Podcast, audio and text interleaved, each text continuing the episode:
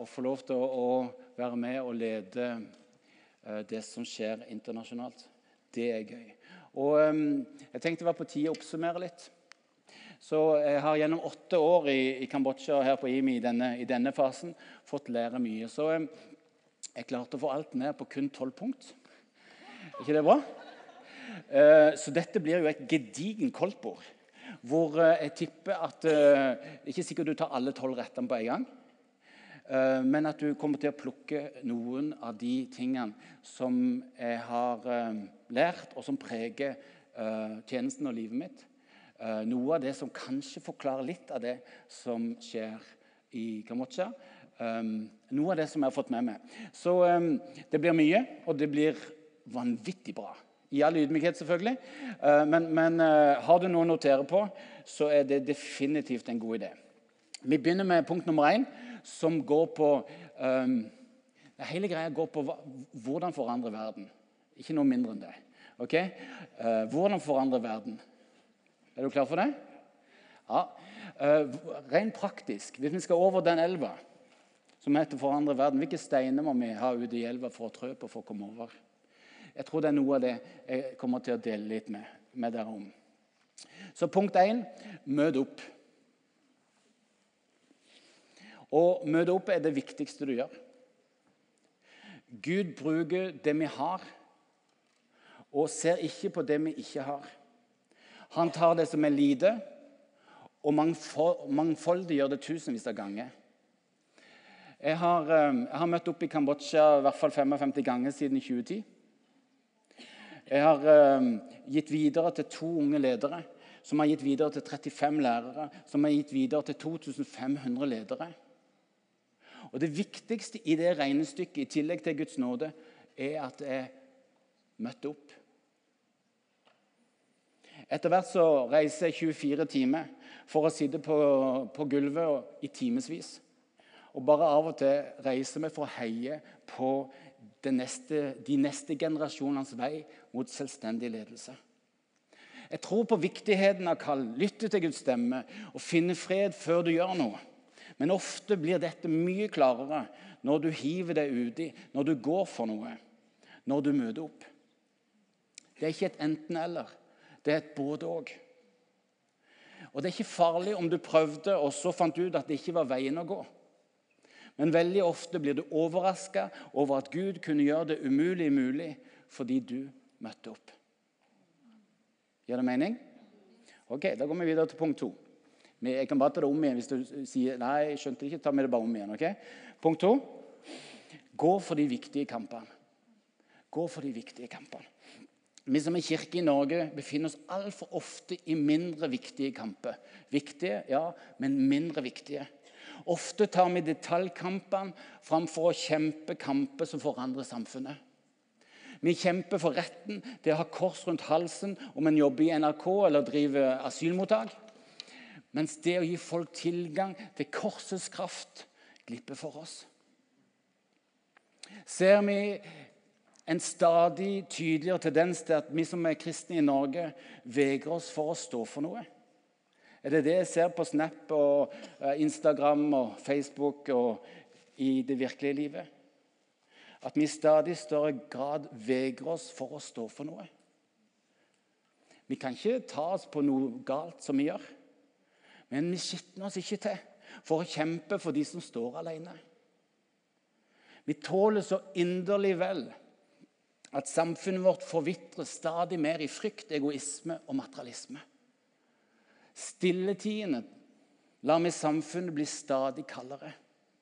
Som om det ikke fantes en kristen kirke i dette landet. Vi trenger å finne tilbake til de viktige kampene, folkens. Hvordan finne frem til dine kamper? Hvordan finne frem til de viktige kampene? Bibelen gir oss ulike tips. Og, og Den enkelte av oss vil ha forskjellige veier inn i å finne de, de viktige kampene. Og de, Det vil se forskjellig ut. Og Det er noe av poenget, fordi vi er forskjellige. Men, men Bibelen gir oss litt ulike tips på å finne de viktige kampene. F.eks. vårt kall til å elske Herren din Gud, de neste som deg sjøl, gir tre retninger som dere kjenner godt fra Agenda 1 sin trekant. Et liv som lever i alle tre relasjoner i balanse på en gang, vil ofte føre til involvering i viktige kamper. Det er nesten uunngåelig. Når du lever i relasjon opp til Gud, ut til verden og inn til Guds familie. Det er nesten uunngåelig å ikke ramle bort i de viktige kampene. Det er én vei inn.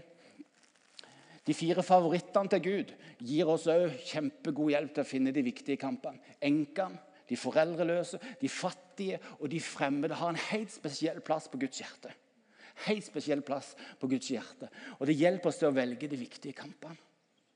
Vi trenger aldri å være i tvil om vi er i Guds vilje hvis vi går for en kamp for en av de fire gruppene. Aldri. Aldri. Misjonsbefalingens marsjordre om å gå ut til nabolag, by, land og nasjoner for å gjøre stadig flere til Jesu disipler gir hjelp til å, hjelpe, til å velge, til å finne de viktige kampene. Det der gjorde mot en av disse mine minste, gjorde der mot meg, sier Jesus. Og hjelp oss til å gjøre gode veivalg. Kampen mot urettferdighet og menneskets frelse og et liv i disippelskap i Jesus det er gode startpunkter for deg å finne fram til dine viktige kamper. Gjør det mening? Punkt tre, da. Begynn i Guds nærvær. Begynn i Guds nærvær. Maria har valgt en god del, sa Jesus, om henne som først satte seg ned med hans føtter, og deretter lot livet vokse ut fra det hun fikk i tida sammen med Jesus. I Guds nærvær får vi vedlikeholde og styrke vår identitet i Gud. Vi får hjelp til å se Guds muligheter i denne verden med hans øyne. Og vi får det vi trenger for å møte utfordringer i eget og andres liv. Det er veldig godt sagt, tenker jeg. Mm. Enten så er du heftig begeistra på innsida, eller så må jeg ta deg Ja, kom an. Der har vi det. Elise, du må komme lenger fram. Så viktig er Guds nærvær. Så viktig er Guds nærvær. Det, er der det begynner. Men helt praktisk, hva vil det si å hvile i Guds nærvær? Hvordan kan det se ut? F.eks. når vi lovsynger. Du kan jo ikke se det, for jeg står jo ofte her. Men det, det er ofte jeg ikke synger. Fordi lovsangen er sånn en fantastisk port inn i Guds nærvær.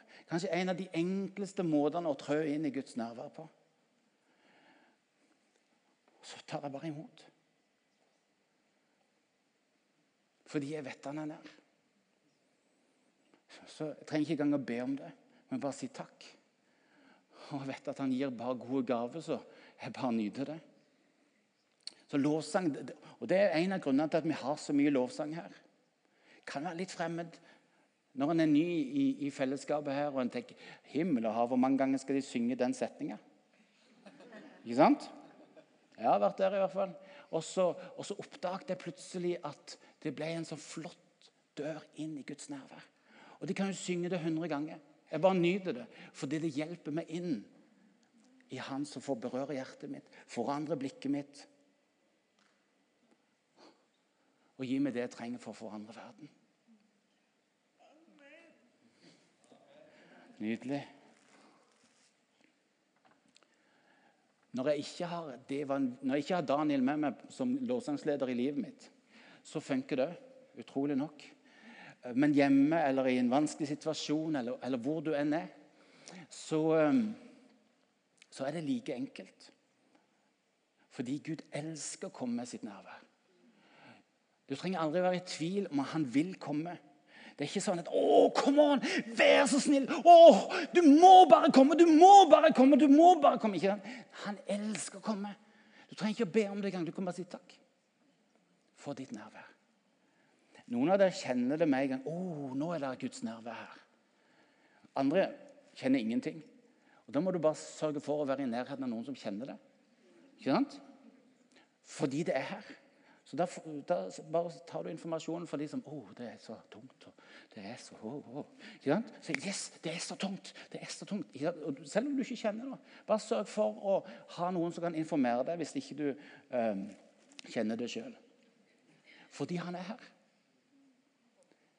Han er her, og han øser ut Når du sier ja takk, jeg vil være i ditt nærvær. Jeg vil sitte i armkroken din. Det er mitt favorittsted. I Jesu armkrok. Når vi lovsynger, så, så, så, står han jo, så det er litt sånn Han, han er så gira når vi lovsynger han og tilber han, at han greier ikke å sitte stille. Han, bare, han, han liker det så vanvittig bra. Så jeg bare står i armkroken og, og, og, og er med han. Ser du det?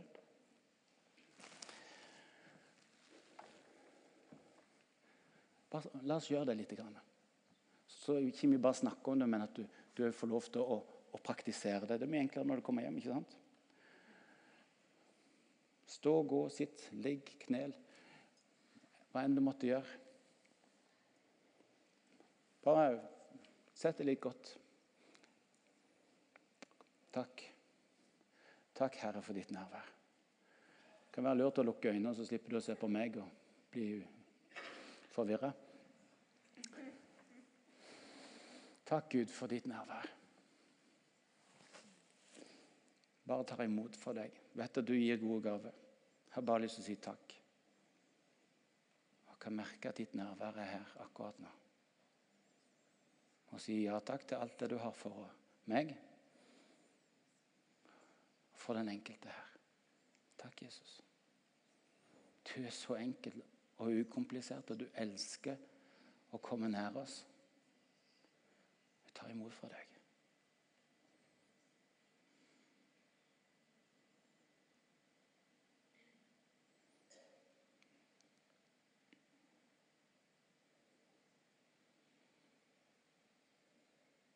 Wow. Nydelig. Nydelig.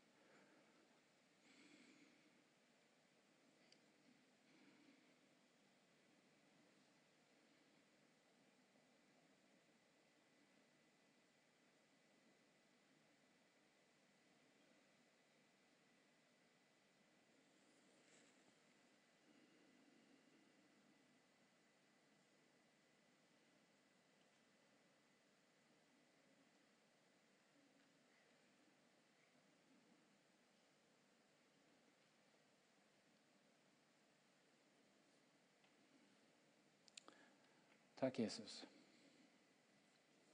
For du er og du har alt det vi trenger. Og du gir villig ut.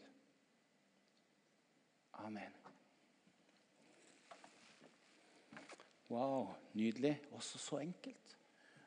Uansett hvor du er. Du trenger ikke lukke øynene. Du kan være på handletur på Rema eller noe og, og, og nedbe Guds nærvær over frysedisken.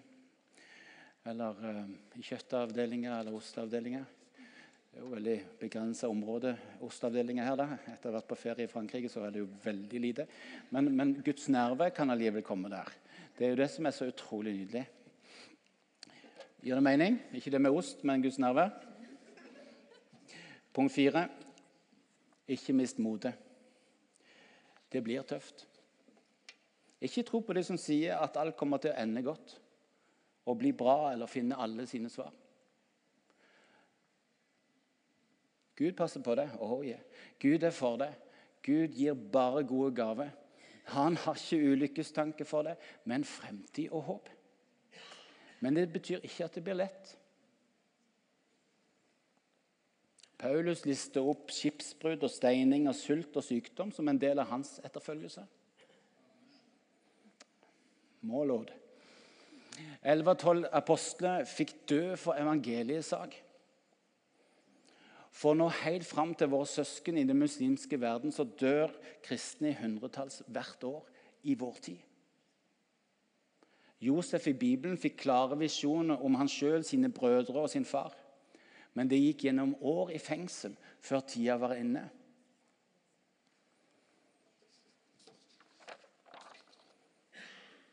Denne menigheten fins fordi Martin og Irene var villige til å bli uthengt i aviser radio og i de fleste andre menigheter. Jeg gikk selv på Misjonshøgskolen og var en del av IMI i en tid da kirkas viktigste ledere fordømte IMI på forsida av Aftenbladet, annet. I dag er de samme folka gode venner av oss, men hadde Martin og Irene valgt å gi opp, så hadde ikke dette huset vært et gudshus. Så var det mange av oss som ikke hadde funnet troen på Jesus. Så er det over 100 000 i Kambodsja som ikke hadde kommet til tro. Så er det en for, forvandla liv for din del, forvandla historie for din del, som kanskje ikke hadde blitt noe. Hvis de hadde valgt å gi opp da det var som tøffest.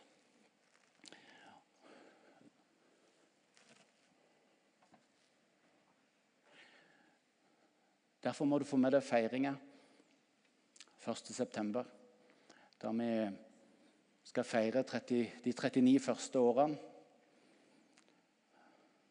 Martin begynte i, i forsamlinga her 1.9.1979 og skal nå gå over i nye faser etter å ha gitt videre til Elling. og Elling har gitt videre til Geir. Vi går inn i en utrolig spennende fase og skal feire Martin og Irene 1.9. Påmeldinga ligger allerede ute på imkirke.no. Gå inn på kalenderen, så finner du det. Og, og, mange har allerede begynt å melde seg på. Kommer langveisfra. Fordi det vi skal feire, tror jeg, er noe betydelig når kirkehistorier om denne tid skal skrives. Du trenger å være der for din egen del for å feire noe helt spesielt. Ingenting har forandra seg. Om du vil være med på det Gud gjør, så vil det koste. Ditt viktigste valg når det stormer, er å ikke gi opp. Det er rart hvordan amen var. Det var en stund siden sist det var amen. Men jeg tror det er viktig. Og jeg vet det for egen del at det koster, men er verdt det. For det femte lær av kritikk. Et viktig steg nummer to når det stormer, er å lære av kritikk. Når folk er over streken i sin motbør, trenger du først å finne fram til en posisjon hvor du velsigner de som fordømmer deg. Det fins ingen annen vei. Bruk all den tid du trenger, men du er nødt til å komme der. Du er nødt til å komme der. For da lukker du døra for bitterhet og motløshet og selvfordømmelse i eget liv. Det handler i liten grad om din motpart fortjener det eller ikke, men om du vil sette en stopper for kritikkens rekkevidde inn i ditt liv. Samtidig kan kritikken gjøre deg god. Ikke gjøre deg godt, men gjøre deg god. Da vi bestemte oss for å hjelpe kirka i Kambodsja til å gjøre eh, utadrettet aksjon, noe de hadde veldig lyst til, så hagla kritikken fra mange hold, òg fra vår egen organisasjon. Det var så heftig at det nesten ga opp. Jeg var så nær med å gi opp. Og Det er noe å tenke på sju år seinere, da over 10 000 flere har sagt ja til Jesus gjennom de aksjonene. Så nær på å gi opp. Måten jeg kommer gjennom på og søke råd hos Troens Bevis, som hadde 50 års erfaring med aksjoner. Det var utrolig nydelig å komme ned en hel dag i Kvinesdal, og de bare sa alt vårt er ditt. Hva du trenger, vi gir det til dere. Og Det skapte et vennskap mellom oss som bare ble sterkere og sterkere. Og så lærte jeg av kritikken. Når de sa at det kom bare til å bli opprekte hender og ingen reell vekst, det, det, var, det, var, noe av hovedkritikken. Skal vi bli som Reinar Bunke nå, eller uh, Billy Graham eller Arild Edvardsen? Så tenkte jeg ja, det var en god idé. De mente ikke det, men jeg mente at det ville være fantastisk å få lov til å, uh, få lov til å følge de guttas uh, fotspor. Men når de sa det, så bare bestemte jeg meg for nei, nei, nei, det skulle det i hvert fall ikke bli. Det skulle i hvert fall ikke bli sånn at det bare ble opprekte hender og mange tall, og mye sånn, men at, at det skulle føre til reell vekst. Bare de siste 18 månedene har kirka i Kambodsja planta mer enn 500 huskirker av nye kristne. Mm.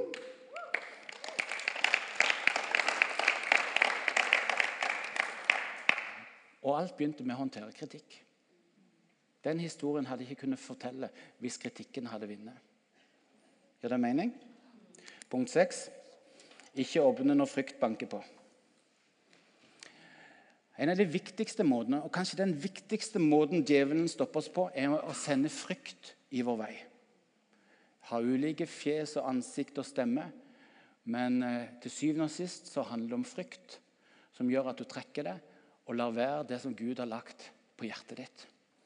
Jeg er glad for Arne sitter her, for han skal få lov til å være eksempel for oss. Da Arne visste starta kampen for retten til arbeid for de langtidsværende og fastlåste asylsøkerne, så prøvde politiet å skape frykt. Fikk lov til å stå sammen med Arne. Det var heftig. De øste på. De var veldig aktive i begynnelsen og trua med bøter og med fengsel. Både Arne og oss her, men aller mest Arne. Eh, og der kunne den kampen ha stoppet. Men eh, det de undervurderte, var jo at Arnes mål var jo nettopp å få prøvd saken i Høyesterett. Så da han møtte fryktskapinger med 'ja takk', det hadde vært utrolig bra at dere tok meg til retten. For det er jo det jeg har bedt om i to år. Så ble det helt stille. Frykten hadde ingen kår. Den hadde ingen vei inn. Arne lukket ikke opp døra. Og det ble helt stille. I over ett år og mange måneder kom det ikke mer svar fra politiet. Frykten banka på, men Arne åpna ikke døra. Det ble helt stille fra politiets side, selv om stadig flere ble ansatt, og selv om Arne hele tida bare sendte full informasjon igjen og igjen om Oi, nå var det enda en ny ansatt. Oi, nå, nå betaler jeg ut Er det en halv million eller? 300 000 i måneden i lønn. Og, og de vet alt. Og det ble helt stille, og det er vel egentlig fremdeles helt stille. Um, Saken ble ikke tatt i før privatpersoner Arne visste gikk og anmeldte sitt eget bemanningsbyrå. Jeg elsker det. Det har vært litt av en vandring så langt. Etter nøye gjennomgang, forhør Det var kjempegøy. Eh, jeg, spurte, jeg fikk lov til å være med og så spurte er det sånn at det er mange inne her som trygler om å bli forhørt. Så sa nei, det er egentlig første gang. og fyll inn for all, alt, alt på bordet, så konkluderer politiet og henlegge saken. Og Det har de fortsatt med. Og vi tror at Goliat er i ferd med å falle over ende i møte med en gjetergutt fra Sola. Mm. Amen.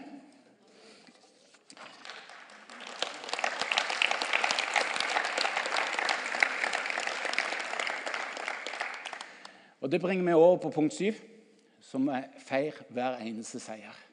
Feir hver eneste seier. De viktige kampene tar ofte tid. For vi snakker om å forandre samfunn.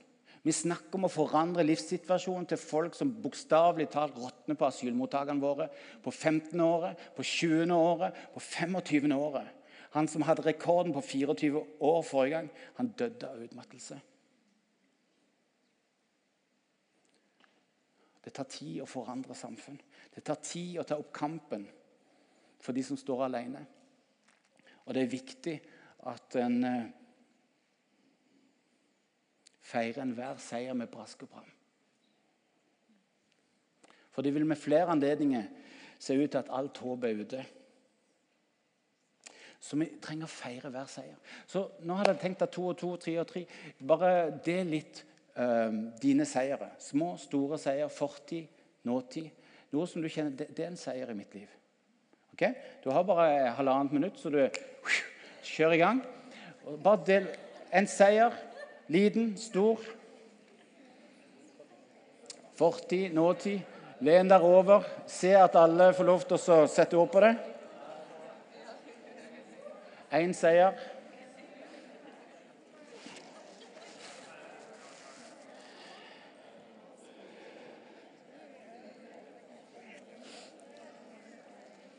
Ha nydelig.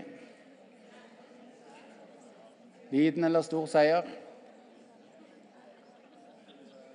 Fortid eller nåtid?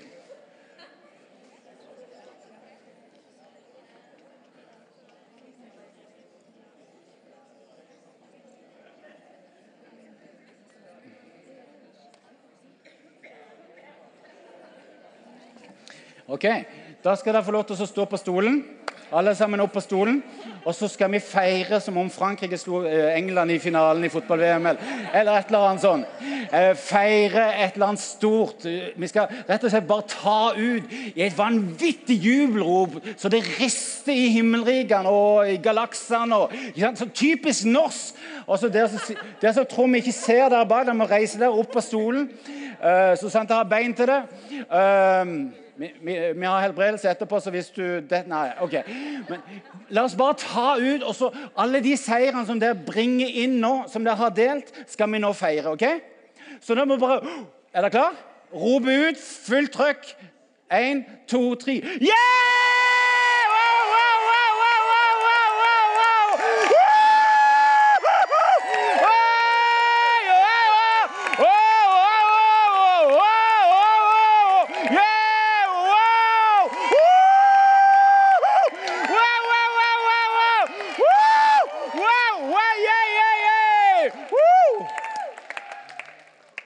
Nydelig. Dette må vi gjøre hver søndag, kjenner jeg. Kan være Truls slo meg av. Eller nei, det er ikke Truls lenger, men uh, Fantastisk. Når folk forteller om helbredelse, så er det den reaksjonen vi vil ha. Når folk forteller om frelse, så er det den reaksjonen vi vil ha. Vi må feire hver eneste seier. Uh, og Ofte er det litt sånn Å ja, sto opp fra de døde. Å ja, 2000 nye frelst i Kambodsja med å feire hver eneste en. Når én blir frelst gjennom de huskirker, bring det inn i fellesskap. Del vitnesbyrdet, og la oss få lov til å feire hver delseier. Fordi vi vil vinne den lange kampen. Vi vil vinne den lange kampen. Uh. Nummer åtte. Det er ikke langt igjen nå. Det går kjempefort på slutten. Nyt belønninga. Nyt belønninga. Igjen, som en del av de lange kampene så må du unne deg belønningene på veien. Du vil bli forfremma i Guds rike, og du trenger å omfavne belønningen. Vi, vi bare, det er en del norsk som vi bare må legge til side. Liksom. 'Å nei, det var ingenting. Det var Gud.' Ja, det var det. Men du er en del av det og må få tak i belønningen. Du må omfavne belønningen, for du vil trenge dem for å stå løpet ut. Trøkket er så vanvittig. Og du må ta med deg alt det som var meninga å ha med i bagasjen for å stå løpet ut. Den som er tro i smått, vil bli satt over stort, sier Guds ord. Du vil bli trodd mer innsikt, mer erfaring, mer slagkraft. Du vil se Gud gjøre det umulige mulig på stadig flere områder. Den håpløse finner håp. Slave blir satt fri. Nyt det. Omfavn det. Omfavn belønningen. Punkt 9. Vær deg sjel. Vær deg sjøl. Det er den du er som Gud kalte til tjeneste.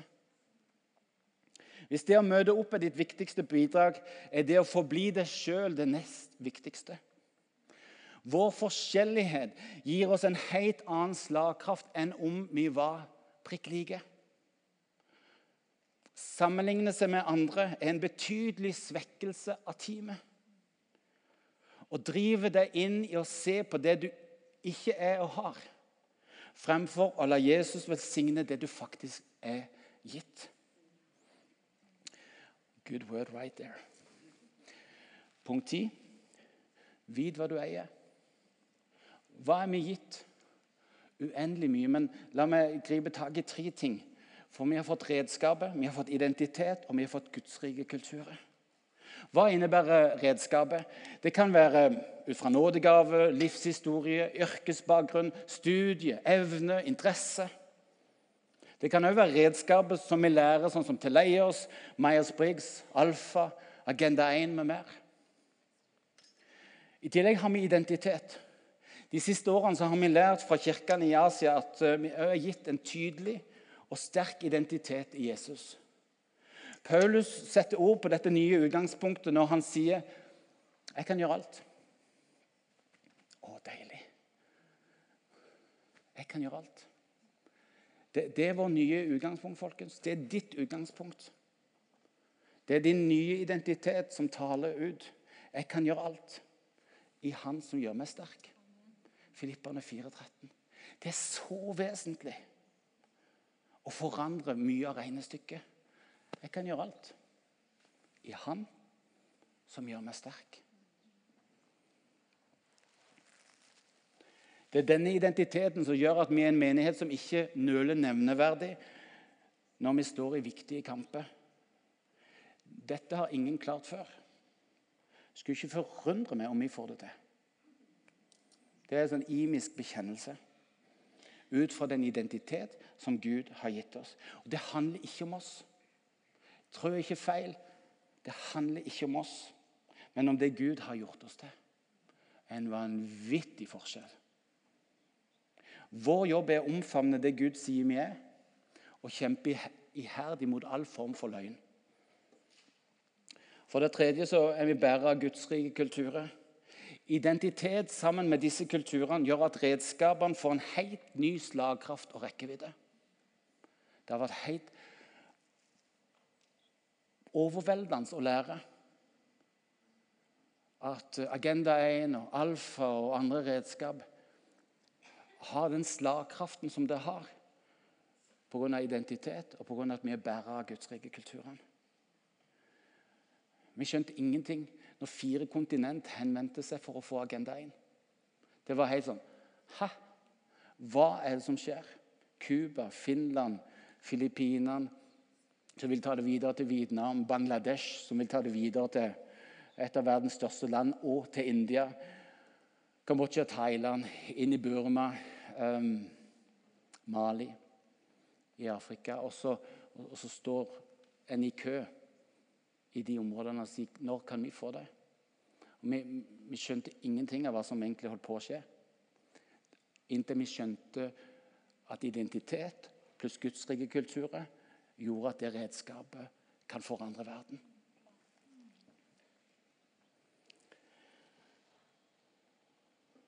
Blant disse gudsrike kulturene så finner du f.eks. bekreftende kultur, godhetskultur, helbredende kultur, Guds nærværkultur, bibel, profetisk vitensbyrd, familiekultur og mye mer. En kultur begynner med et viktig prinsipp fra Bibelen, som snakkes om og prøves ut praktisk så lenge at det blir en felleskultur. Det blir allemannseie, noe som blir typisk oss. Det krever mot for å dyrke sånne kulturer, for du skal være ensidig helt til det faktisk er blitt allemannseie. Så veldig få menigheter våger det. Men i denne menigheten har vi en lang tradisjon for å ville ha de kulturene som Gud ønsker å gi oss. Da de kristne i Kambodsja begynte å forkynne frelsen i Jesus, så gikk det trått i begynnelsen. De, fra 1993 så, så, ble det lov å, å være kirke, og det gikk trått i begynnelsen. Men idet de oppdagte hvordan de, de, kunne kultivere Guds nærvær, helbredelse og profetisk innsikt, så åpna det dørene inn til folks hjerte, og så starta vekkelsen. Likedan er det i vår hverdag i Norge. Du som er en del av IMI, vil lett vokse inn i disse kulturene med å være med i huskirke. Og Når du omfavner den identiteten som Gud har gitt deg, og bærer Guds rike kulturene ut i din hverdag dag etter dag, så får det du har i dine hender, stor slagkraft og betydning. Nummer 11. Tal ut Guds løfte. Og Det er noe av det vi har vært i på hele denne gudstjenesten, helt fra Liv Eva åpna gjennom lovsangen og fram til nå. Mat dem med Guds løfte. Den ene sangen på engelsk som Elise leder oss i, var helt fantastisk. Det var, bare 'I am a child of God'. Og så masse løfter. Mat dem med Guds løfte. De er sanne for hver eneste en av oss. Og de bærer oss gjennom de tunge dagene. De bærer oss gjennom når vi står i feiten for de som ingen feiter for. Når livet er i overkant drøyt, så står vi i fare for å tro at Guds løfte har tatt pause. Gud står aldri bak vanskeligheter, men han går med oss gjennom vanskeligheter. Han er vår beste lærer på vei ut av vanskeligheter. Og hans løfte er om mulig enda mer sanne i det vanskelige. Og Da trenger vi det enda mer. Og så nummer tolv og siste. Hørte vi en amen der? Kjør på. Det er mitt punkt nummer tolv. Punkt nummer tolv kjør på. Mitt siste punkt er søskenbarn til det første punktet om å møte opp. Kjør på. Våg heller mer enn du burde. Gud elsker når du elsker andre over evne. Når du gir det du er og har, i ufornuftige mengde. Han elsker det. Lars Fredrik er et forbilde for meg. Når terroren øker i det landet som han skal bo i, så sier han at nå trenger de noen enda mer enn før. Nå trenger de noen som kan vise at Guds kjærlighet virkelig fins. Så forbereder han seg stadig mer.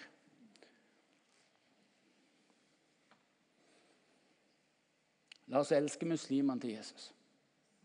La oss elske dem til Jesus. En masse. La de massivt få erfare at det fins en Gud som bare er kjærlighet. Kjør på. Kjør på. Kan aldri bli for mye. La de fremmede, de nyankomne, finne, oss, finne i oss en ny storfamilie. Kjør på. La Norge bli et umulig sted for det moderne slaveriet. Kjør på. La hvert nabolag få en seriøs sjanse til å si ja til Jesus. Kjør på.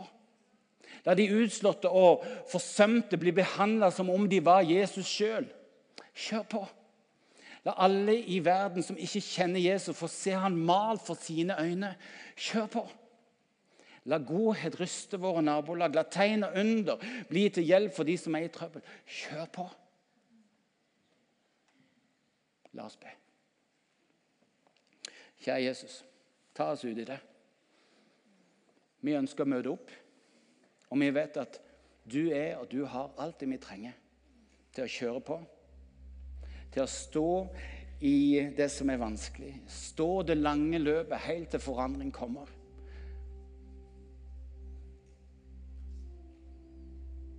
Vi tror at dette landet trenger levende kristne som lever ut det de har fått fra deg i ditt nærvær. Vi tror at det ikke er forbi med Norge.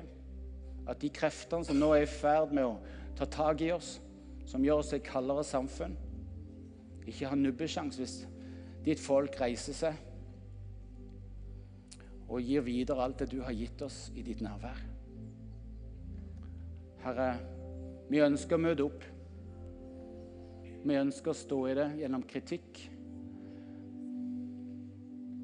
Vi ønsker å, å nekte å gi opp koste hva det koste vil. Om vi så må betale med vårt eget liv, så vil vi ikke gi opp i å kjempe de viktige kampene. Herre, led du oss, og la oss få lov til å møte denne verdens utfordringer i visshet om hvem vi er i deg, og hva du er, og hva du har for oss. For i deg er ingenting umulig. Amen.